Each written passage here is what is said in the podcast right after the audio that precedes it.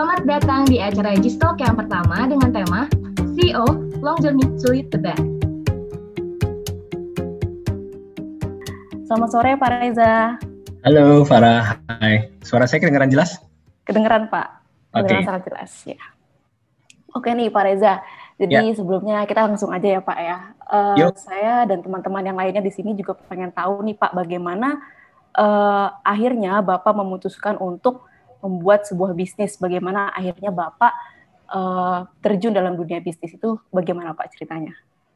Oke, okay, sebelumnya thank you ya teman-teman dari Jakarta International Economic Society uh, udah undang saya buat share cerita tentang jatuh bangunnya, keseruannya menjadi CEO ya. Uh, tapi tadi uh, saya setuju sama pernyataannya Benedictus Tandia ya, yang bilang bahwa uh, leader itu diciptakan termasuk CEO ya karena uh, CEO itu sebenarnya statusnya gitu. Tapi basically kita semua di sini kan mau uh, mau do something for the nations gitu ya. Oke okay, uh, kalau menjawab pertanyaannya tadi perjalanan awalnya sebenarnya uh, ini bukan sesuatu yang udah direncanakan misalkan saat zaman kuliah gitu ya nanti di umur sekian uh, saya mau jadi CEO perusahaan artisan pro gitu ya. Nggak ada nggak ada nggak ada pikiran ke situ gitu. Ya intinya perjalanannya uh, dimulai dari saya kerja dulu selama sekitar lima tahun terus kemudian saya menemukan peluang bisnis. Tapi ternyata bisnis saya yang pertama itu failed ya karena uh, basically salah satunya adalah saya nggak punya mentor gitu. Saya nggak punya mentor. Uh, sistem cowboy karena kebanyakan pebisnis Indonesia itu sistemnya sistem cowboy gitu ya. Jalanin aja dulu gitu. Nanti kita lihat hasilnya gimana. Tapi sering kali akibat sistem cowboy itu uh, kalau kamu fail to plan, kamu fail to launch gitu kan. Ini yang saya juga baru pelajari di akhir-akhir uh, bisnis saya yang pertama itu yang kemudian akhirnya fail. Singkat cerita saya join dengan beberapa teman, kemudian kita start bisnis ini. Secara singkat, bisnis ini sebenarnya dimulai dari sebuah kamar kos ukuran satu kali 2 meter di daerah Tanjung Duren gitu. Berarti ini awalnya itu dari dari kos gitu ya Pak ya. Berarti ini sebenarnya bisnisnya awalnya itu uh, bersama teman-teman begitu ya Pak? Ya, ya. Jadi jadi gini, sebelum ini kan saya ada bis, uh, saya build bisnis sama istri saya uh, sebuah e-commerce beauty product gitu ya. Kita kita memang memang kita melihat peluangnya uh, untuk masuk ke industri beauty gini prinsip saya dari dulu selalu gini. Kalau misalkan memilih perusahaan yang saya mau join atau memilih bisnis yang saya mau build uh, prinsip saya selalu gini harus lihat bisnis yang marketnya uh, akan panjang akan menentukan sustainability perusahaan gitu ya. Kenapa kenapa beauty?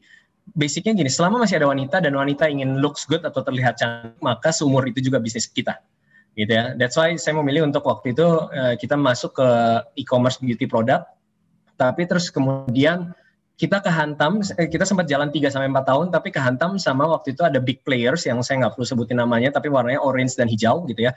Uh, e-commerce big players yang masuk, kemudian mereka waktu itu strategi urban money, dan kita pemain-pemain pemain-pemain lokal banyak yang kena hit gitu ya. Kita pemain pemain-pemain level uh, middle itu banyak kena hit. Karena mereka akuisisi customernya cepat sekali dengan burn strateginya mereka gitu. Nah, waktu saya build e-commerce itu, uh, waktu itu uh, artisan itu adalah salah satu brand yang saya invite untuk uh, jual di di uh, e-commerce saya. Itu kebetulan punya teman saya juga gitu. Tapi mereka baru mulai beberapa bulan. Tapi waktu itu saya udah melihat ada potensi dari brand ini karena story-nya jelas, reason behind-nya jelas gitu. Strong banget, deh solid solid reason kenapa produk ini harus ada di market gitu. Uh, singkat cerita, kemudian uh, mereka ajak saya untuk join uh, karena mereka uh, butuh CEO, mereka ajak saya untuk join. Jadi waktu itu mungkin mereka baru jalan sekitar tiga, dua tiga bulan. Kemudian saya join ke sana. Uh, bersamaan dengan waktu itu bisnis saya juga sudah mulai declining karena hantaman kompetitor itu. Nah akhirnya saya decide untuk oke okay, nggak bisa berdiri dua perahu, I need to focus. Akhirnya saya pilih di brand ini, gitu. Uh, berarti akhirnya uh, memutuskan untuk uh, bergerak di bidang kosmetik atau beauty untuk perempuan begitu ya Pak ya. Nah yeah. ini kan unik ya Pak karena uh, spesifik juga produknya yaitu bulu mata seperti itu Pak. Nah uh, sebenarnya lahirnya mengapa mengapa yang dipilih itu adalah bulu mata itu uh, produknya sendiri itu bagaimana Pak gitu prosesnya itu seperti apa? Iya dan kenapa CEO-nya cowok ya? Iya Pak itu juga sih Pak. Ya, ini pertanyaan sudah sangat sering ditanyakan kepada saya. Jadi basically gini, saya partner berempat gitu ya. Uh, salah satu partner saya, eh, uh, dua partner saya itu mereka uh, fotografer yang biasa untuk uh, wedding atau misalkan uh, magazine uh, atau events gitu ya. Nah, fotografer itu biasa selalu bekerja bersamanya kan sama makeup artist atau stylist gitu ya. Nah, dari hasil ngobrol-ngobrol itulah muncul problem yang mereka temukan gitu bahwa makeup artist Indonesia ini susah sekali nyari bulu mata palsu yang konsisten dalam dua hal ketersediaan stok dan kualitas. Kenapa? Karena Indonesia basically dikenal sebagai negara produsen.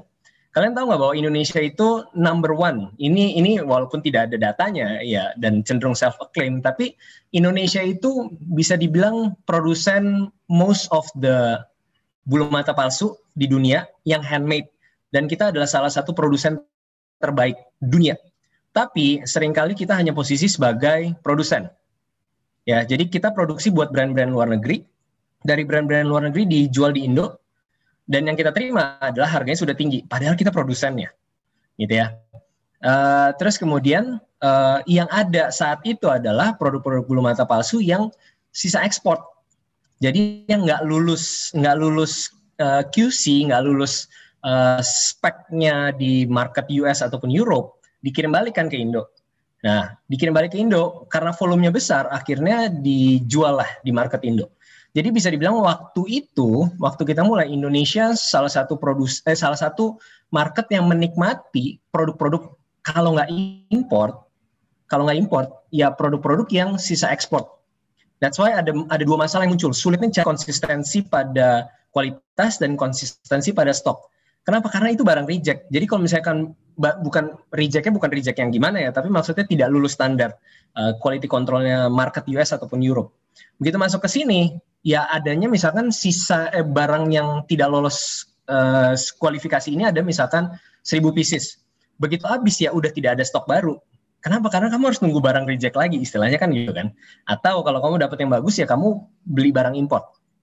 Nah, masalah-masalah itulah yang membuat makeup artis Indonesia sulit untuk ngembangin stylenya mereka, sulit untuk bisa buat look makeup yang profesional dan uh, inovasi lah gitu, looknya inovasi. Kenapa? Karena pilihannya nggak banyak di market. Kalaupun ada uh, kualitasnya nggak bagus atau stoknya terbatas. Berangkat dari dua masalah itu, terus kemudian kita melihat, oke, okay, ini ada pasti semua mulai gini, ini ada celah untuk bisnis bisa kita bisa melakukan bisnis di sini. Tapi kita punya dua masalah, dua masalah yang bisa kita solve. Dan di situlah lahir artisan profesional atau kita biasa disebutnya artisan pro. Karena berangkat dari dua masalah itu. Singkatnya gitu. Oke, baik. Uh, berangkatnya itu dari masalah uh, terkait stok dan kualitasnya seperti itu ya Pak ya. Nah ini kan, yes. kan uh, yang aku pernah baca juga bahwa uh, produsen yang di Indonesia itu terkait bulu mata itu adanya di Purbalingga, benar nggak Pak kira-kira? Yep, yep. Yep. Ya, nah itu di Purbalingga ya. Uh, itu berarti kan uh, pihak dari Artisan Pro dengan pihak yang ada di produsen yang ada di Purbalingga itu kan harus mengadakan kerjasama karena kan ini uh, berarti artisan akan menjual lagi seperti itu ya Pak ya. Nah, uh, berarti kan ini di sini perlu adanya uh, skill komunikasi seperti itu Pak. Nah itu uh, bagaimana akhirnya bisa deal dan akhirnya bisa bekerja sama dengan yang ada di Purbalingga seperti itu Pak. Oke, okay, itu proses yang panjang. Jadi sebenarnya Artisan Pro lahirnya 2 November 2016, which is tahun ini kita ulang tahun yang keempat, persis eh, bulan eh bulan November ini ya. Uh, tapi sebelum sebelum November 2016 ada 2 sampai tiga tahun yang kita lalui untuk trial and error. Jadi ada banyak kegagalan-kegagalan yang dilakukan sebelum uh, November 2016. Kegagalannya apa? Kita gagal menemukan partner produsen yang bisa memenuhi standar ekspektasi kita. Nah, aku sedikit mundur ke belakang ya. Kenapa kita? Karena tadi masalahnya ada kesulitan mencari bulu mata palsu yang konsisten dalam kualitas dan uh, dalam kuantitas dalam stok ya, ketersediaan stok. Itu bikin kita uh, kita harus punya satu yang inovatif untuk di uh, propose ke market. Apa yang kita lakukan? Kita membuat desain sendiri ini yang membuat Artisan Pro beda dengan brand-brand lain. Kita desain sendiri. Partnerku, ya, uh, widely known uh, stage name-nya adalah Koko Artisan gitu ya, karena itu sosok yang kita bangun gitu ya. Dia mendesain dari scratch. dari uh, notebooknya dia dia gambar pakai tangan ya dia punya visi tentang apa yang mau dicapai produk apa yang mau dihasilkan ya dia punya visi produk apa yang mau dihasilkan tapi untuk mewujudkan visi itu nggak semua produsen di Purbalingga itu bisa uh, memberikan apa yang kita mau bisa ngejar standarnya kita. Kenapa? Karena mentalitinya mereka terbiasa dengan oke okay, saya punya saya punya contoh dari dari uh, brand luar ya brand US atau Eropa. Saya punya contoh nih kamu kerjain persis seperti yang saya mau. Udah gitu dong dan mereka basically hanya diberlakukan sebagai produsen pembuat gitu. Tapi kita melihat uh, ya karena bangsa kita juga gitu ya. Kita nggak mau mereka cuma sekedar jadi buruh pembuat. Kita mau naikin levelnya mereka. Jadi kita challenge mereka untuk ayo bis, uh, kita mencari uh, pengrajin sebutannya ya. Kita mencari pengrajin yang bisa support kita untuk menghasilkan produk-produk yang kualitasnya ini kualitas uh, masterpiece gitu, kualitas yang nggak main-main, kualitas yang bukan cuma akan menang di Indo, tapi menang di global market.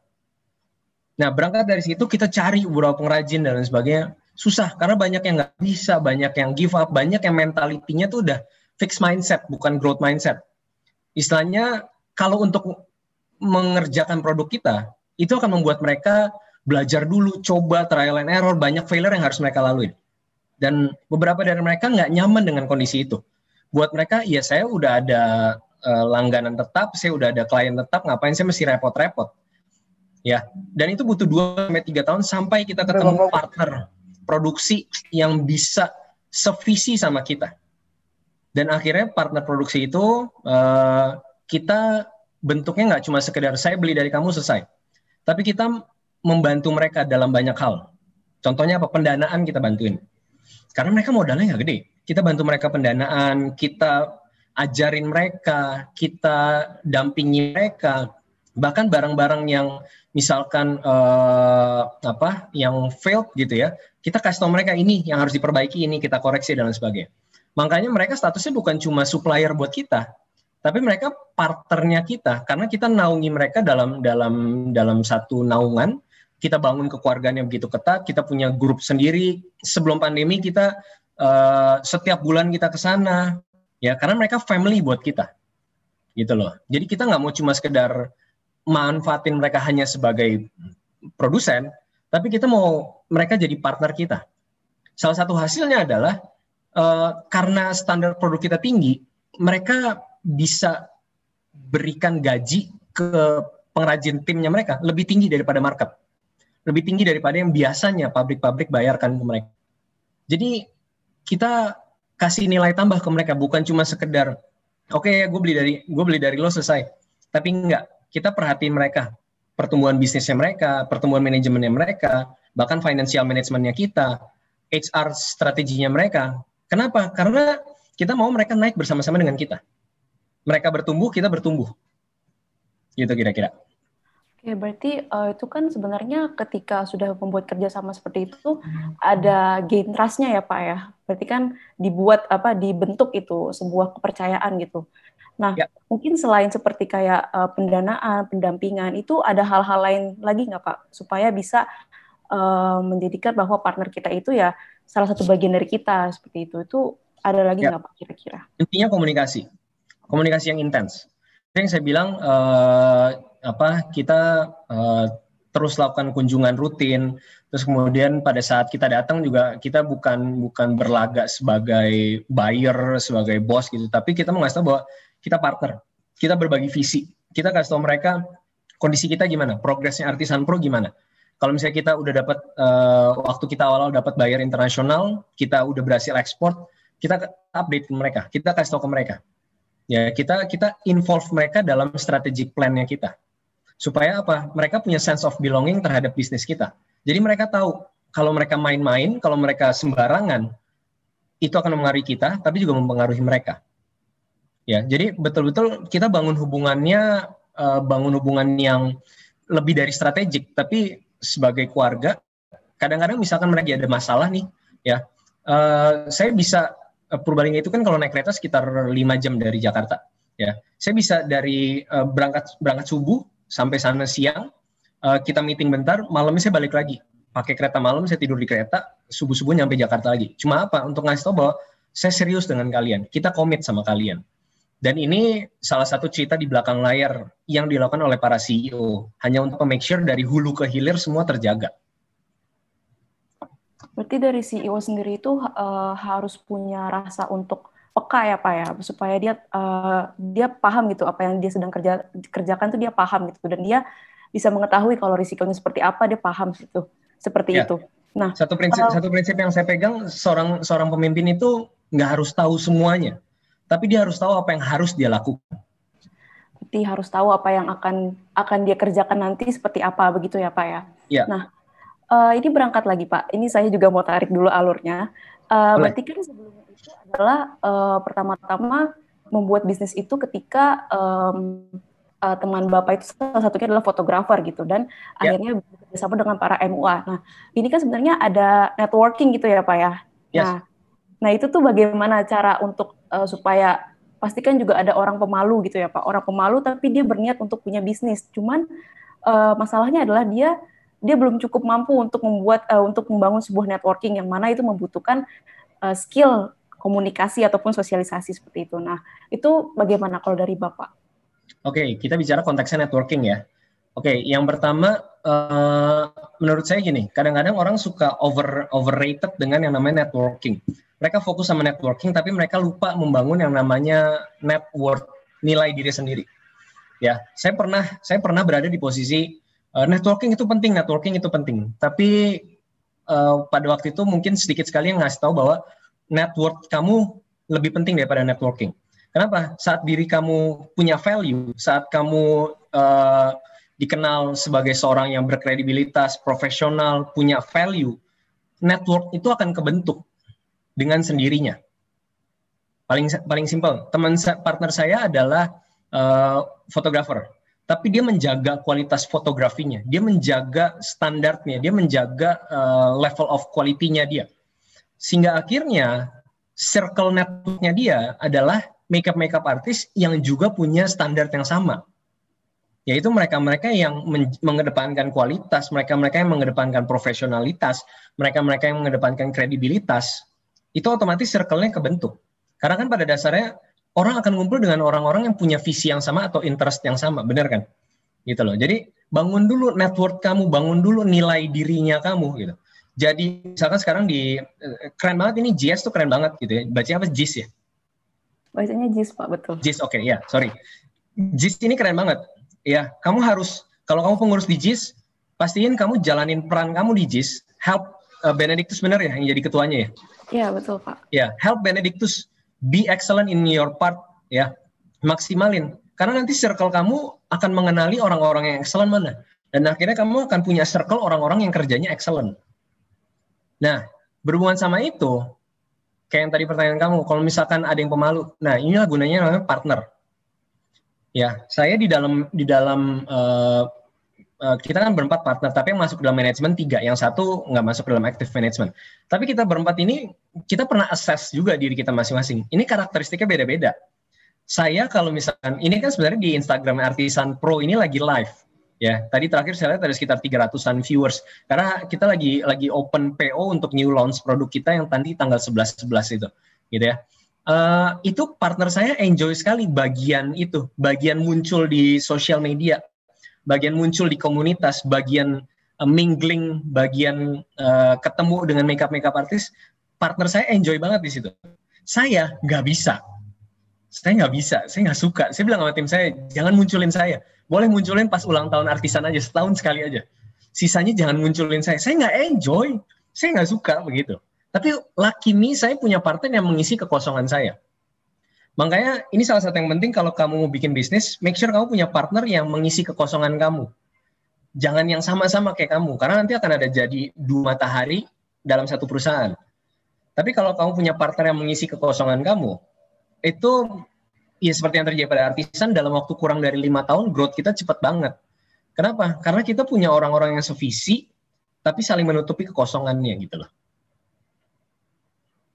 Berarti, nah berarti kan di sini kuncinya itu adalah uh, salah satunya adalah partner gitu ya pak ya. Nah yes. cuman kan uh, karena uh, saya saya juga sedikit agak bingung sih. Maksudnya gini, uh, semisal gitu, saya mau membuat bisnis dengan teman saya gitu, dan saya menganggap dia sebagai partner, tapi kan bisa saja gitu, uh, ternyata yang saya kira dia bisa uh, bisa sesuai dengan ekspektasi dan dia bisa mengikuti visi misi yang ada di perusahaan itu, ternyata dia tidak bisa gitu loh Pak. Berarti kan uh, untuk mencapai partner yang tepat untuk kita bisa punya partner yang tepat itu kan susah begitu Pak. Nah itu bagaimana ya Pak cara untuk mengatasi hal-hal yang seperti itu? Oke, okay, sebenarnya there's no short way untuk kamu ketemu partner yang tepat. Uh, beberapa mungkin sangat beruntung bisa dapat partnernya benar di awal perjalanan karirnya atau perjalanan bisnisnya. Tapi yang jelas tidak pernah akan ada partner yang tepat gitu. Karena uh, ya setiap ini ini basic filosofinya setiap orang punya kelebihan kekurangan masing-masing gitu. Pada akhirnya nanti bicara tentang acceptance, apakah kamu nerima kekurangan partner kamu? Karena uh, di satu sisi tapi kamu uh, appraise juga kamu juga menghargai dia punya kelebihan di area yang lain gitu. Tapi balik lagi ke yang tadi aku bilang di poin sebelumnya kamu build dulu value-nya kamu. Kamu build dulu uh, profesionalismenya kamu work ethicnya kamu visinya kamu kamu bangun itu semua dulu karena balik lagi kamu akan bisa sense kamu akan bisa merasakan orang-orang yang cara kerjanya sama kayak kamu kamu akan bisa ngesense, kamu akan bisa ngerasain orang-orang yang visinya sama kayak kamu. Kamu akan bisa ngesense orang-orang yang work ethicnya tuh uh, work attitude-nya sama kayak kamu. Gitu. Nah, start dari situ dulu aja. Baru kemudian mulai ngobrol ya, ngobrol. Cuman ini nih yang sering kali salah di bisnis di awal-awal itu nggak berani ngobrol belak-belakan, nggak berani ngobrol buka-bukaan gitu. Cuma karena gue dekat, karena kita teman, jadi kayak yaudah jalan aja. Tapi nggak berani main pembatasan-pembatasan area. Misalkan misalkan salah satu yang perlu dilakukan saat kamu bangun bisnis dengan partner adalah menentukan pembagian uh, job description yang sangat detail ada ada beberapa uh, pekerjaan-pekerjaan yang mungkin berhubungan dengan dua atau tiga bahkan lebih lebih divisinya ya misalkan uh, sering kali itu antara sales sama markom ada ada project ada campaign yang involve sales, involve marketing juga. Ini kan dua divisi, ya. Dan belum tentu kedua divisi ini dikepalai oleh satu satu partner yang sama. Bisa jadi ada dua partner, yang satu megang sales, yang satu megang marketing. Nah, makanya di awal mesti ada pembagian yang jelas atau terus-menerus di-review. Misalkan, oke, okay, kalau misalkan kita mau bikin um, activation di sosial media, ini decision maker-nya siapa? Decision maker-nya Markom. Oke, okay. tapi Markom harus inform ke siapa? Harus inform ke siapa? Oh, sebaiknya inform ke sales sama uh, product development division. Oke, okay. uh, eh, perlu consult nggak? Consultnya ke siapa? Oh, perlu consultnya ke CEO misalkan.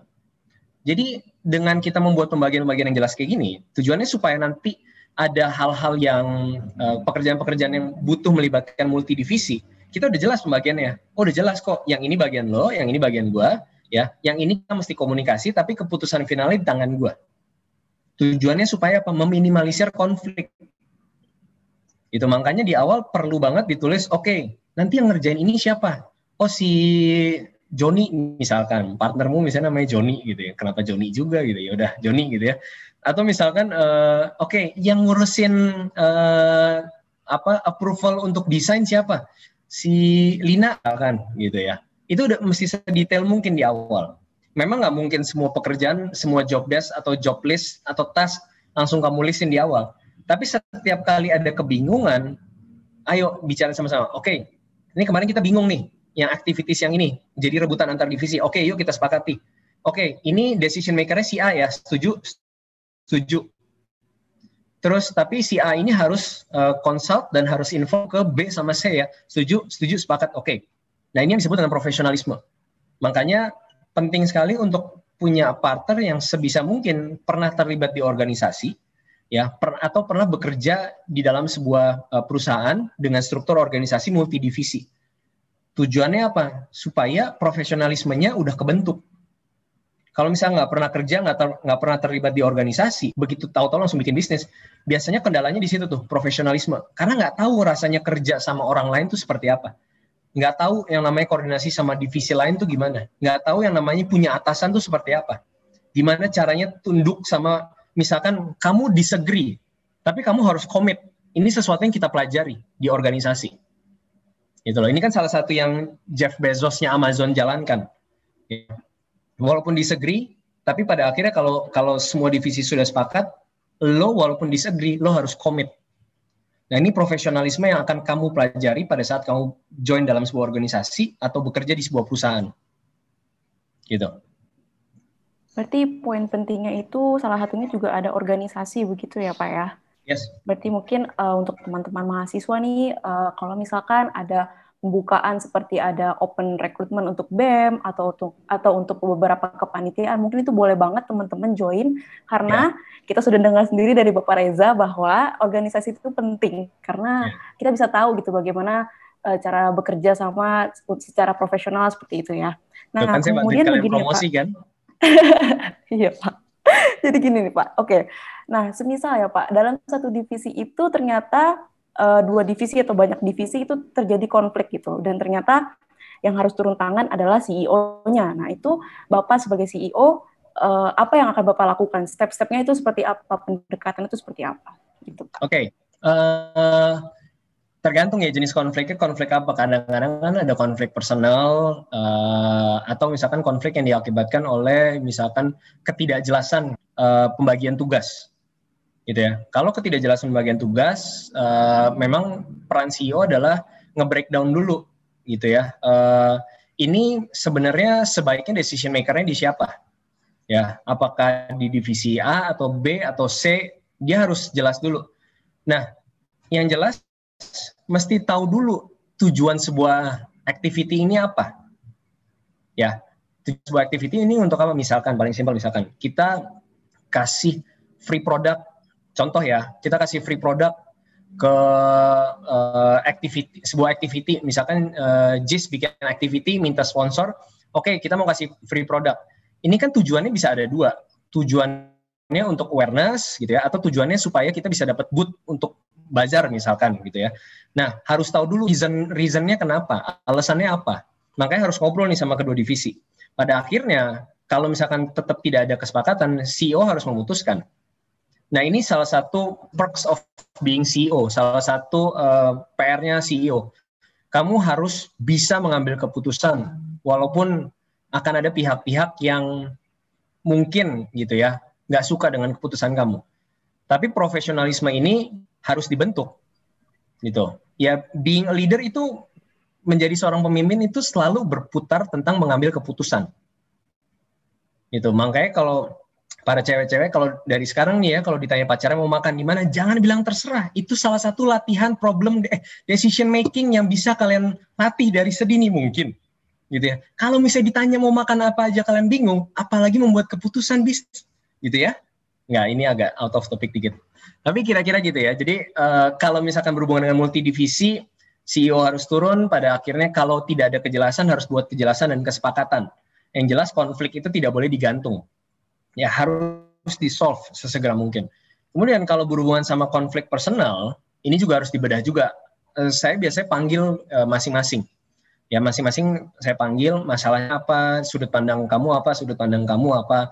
Terus kemudian uh, penyebabnya apa? Apakah penyebabnya di dalam organisasi atau di luar organisasi?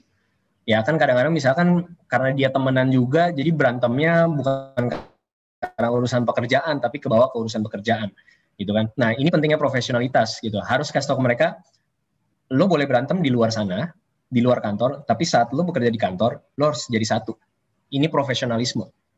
Sama kayak yang tadi walaupun lo disagree tapi lo harus komit dukung keputusan ini bersama gitu. Jadi uh, eh, CEO memang gini peran utama CEO itu memastikan produktivitas organisasi gitu. Makanya hal-hal yang bisa menghambat produktivitas organisasi CEO harus selalu turun tangan. Oke, berarti gitu. Kira -kira uh, gitu. sebenarnya di sini bisa di beberapa ada beberapa hal gitu ya Pak ya. Uh, berarti kan di sini posisinya itu uh, CEO itu harus paham juga bagaimana uh, untuk misalkan ada konflik internal atau, atau ada konflik dengan eksternal seperti itu tuh CEO itu harus paham. Jadi dia harus uh, jadi mereka harus bisa membenahi organisasi seperti itu. Nah, Uh, kan misalnya gini ya Pak, semisal uh, balik lagi tadi, kalau misalkan ada su ada suatu keputusan yang sudah dibuat oleh CEO, ternyata um, ya cukup banyak orang yang menolak seperti itu. Nah akhirnya sebenarnya tapi sebenarnya tujuannya pun itu jelas dan akan uh, bisa berdampak baik pada perusahaan. Cuman prosesnya saja ketika itu disahkan itu uh, banyak yang tidak yang tidak setuju dengan hal itu. Nah, nah itu bagaimana ya Pak? Maksudnya uh, akhirannya itu bagaimana supaya orang-orang itu takutnya ini kan mengkhawatirkan bagaimana nanti performa mereka seperti itu. Nah, uh, ada tidak kayak preventifnya ketika orang-orang itu sudah tidak setuju? Uh, tapi mereka harus harus melakukan itu dan kalau mereka tidak mau itu apa yang akan bapak lakukan seperti itu. Oke, okay. uh, balik lagi uh, harus ada itu yang tadi saya bilang ya prinsip yang harus disampaikan ke semua bahwa uh, walaupun lo agree tapi lo harus tetap komit gitu ya. Ini ini bicara tentang profesionalisme. Uh, termasuk misalkan ada bagian yang bekerja bersama partner itu kan nggak gampang juga gitu ya. Kalau misalkan saya bisa kerjain sendiri semua, ya mungkin nggak perlu ada konflik. Tapi saya nggak bisa kerjain semua sendiri. Saya butuh partner. Tapi when it comes to ada partner, pasti muncul konflik karena ada perbedaan pendapat dan lain sebagainya. Tapi harus kita harus sama-sama bilang, uh, suatu saat uh, lo akan disagree sama gue, tapi pada akhirnya decision makernya gue, dan lo harus komit sama keputusan ini. Gitu. Ini ini salah satu yang berhubungan sama uh, partnership tapi di luar itu kalau misalkan ada uh, penolakan, sebenarnya memang yang harus disalahkan CEO-nya. Kenapa? Karena berarti ada proses komunikasi visi yang tidak jelas. Gitu. Atau yang kedua, CEO-nya labil. CEO-nya labil gitu ya. Udah visinya A, tahu-tahu berubah ke B, tahu-tahu berubah ke C, tahu-tahu berubah ke D. Nah ini sebenarnya salah satu hal yang paling membahayakan dari seorang CEO. Kalau seorang CEO itu nggak stabil, yang labil, gitu. Ini berbahaya. Makanya pemimpin itu mesti stabil. Kenapa? Karena saat dia udah stick, udah ngeset plan KPI 2021 misalkan, ya udah stick sama itu. Ya mesti sedikit adaptif sih, jadi agak-agak fleksibel sedikit aja. Karena ini kan lagi dalam kondisi yang uh, uncertain, ya kondisi seperti ini kan uncertain, gitu. KPI setting berubah semua gitu. Tapi yang jelas uh, pentingnya peran CEO adalah mengkomunikasikan secara berkala. Kalaupun sampai ada perubahan, harus dikasih tahu kenapa berubah. Kalau misalkan ada penyesuaian, kenapa disesuaikan? Kenapa visi yang itu tidak lagi relevan? Harus dikomunikasikan semua. Supaya apa? Supaya bahkan sampai ke tim member di level yang terendah sekalipun, atau yang paling baru, anak magang sekalipun, mereka mengerti why am I here? Kontribusi apa yang dari gua yang diharapkan oleh perusahaan? Banyak dari karyawan yang bekerja cuma ngejar gaji, tapi mereka nggak tahu kenapa mereka harus ada di perusahaan itu. Kenapa kehadiran mereka penting di organisasi itu. Ya, misalkan uh, saya juga pernah jadi panitia perlengkapan waktu zaman kuliah. Ya, kalau misalkan jadi panitia perlengkapan uh, dianggap remeh, misalkan ya. Ya kalau saya berhenti aja, ya kewalahan sendiri deh ngurusin perlengkapan. Kenapa? Karena kita yang tahu akses-aksesnya minjem ke Pak siapa, minjem ke Bu siapa, izinnya ke Pak siapa, izinnya ke Bu siapa ya kan. Terus minjemnya harus hamin berapa, balikinnya harus gimana prosedurnya. Itu kita yang tahu sebagai anak perlengkapan. Gitu. Nah, makanya CEO mesti mesti mesti sering mengkomunikasikan dan paham betul secara strukturnya secara keseluruhan dia ada di situ tuh ngapain gitu. Nah memang PR-nya pada saat strukturnya makin besar, jumlah orang makin besar, itu makin kompleks, gitu ya. Tapi makanya ada first layer atau ring satu, orang-orang ring satu, ada orang-orang ring dua, ada orang-orang ring tiga, gitu. Nah pentingnya komunikasi itu seperti itu. Apalagi kamu kalau ring satu, komunikasi harus intens, harus sama-sama tahu, ini kondisi kayak gini nih, uncertain, uh, bisnis lagi goyang, semua lagi goyang, bisnis tutup di mana-mana apa yang harus kita lakukan? Update-nya gimana? Sebulan sekali saya update sama tim saya. Saya buka laporan keuangan, saya kasih tahu kondisi kita gimana, revenue kita gimana, profit atau loss, gitu. Uh, performance kita gimana? Mereka harus tahu supaya mereka tahu uh, jaminan job security mereka gimana, masa depan kita gimana, gitu. Dan bagaimana cara kita ngomong ke karyawan itu menentukan respon mereka. Misalkan saya dengan aduh pusing deh ampun deh omset turun aduh saya juga bingung saya nggak bisa tidur saya nggak bisa makan aduh ampun deh rasanya pengen resign jadi CEO misalnya pesimisme itu akan turun ke karyawan kamu ya bos gue aja pesimis gitu loh tapi kalau di awal kamu bilang misalkan ya sales kita drop 70%. Tapi saya pastikan kalian bahwa kita nggak akan tinggal diam. Selama kita masih punya tangan, kita masih punya otak, kita masih punya kaki untuk bergerak, melakukan segala sesuatunya, we have to do semua yang bisa kita lakukan untuk membuat perusahaan ini bangkit. Itu kan ngebakar semua sampai bawah. Oh iya benar juga, benar juga. Gitu loh. Makanya komunikasi itu salah satu skill utama yang harus dimiliki oleh CEO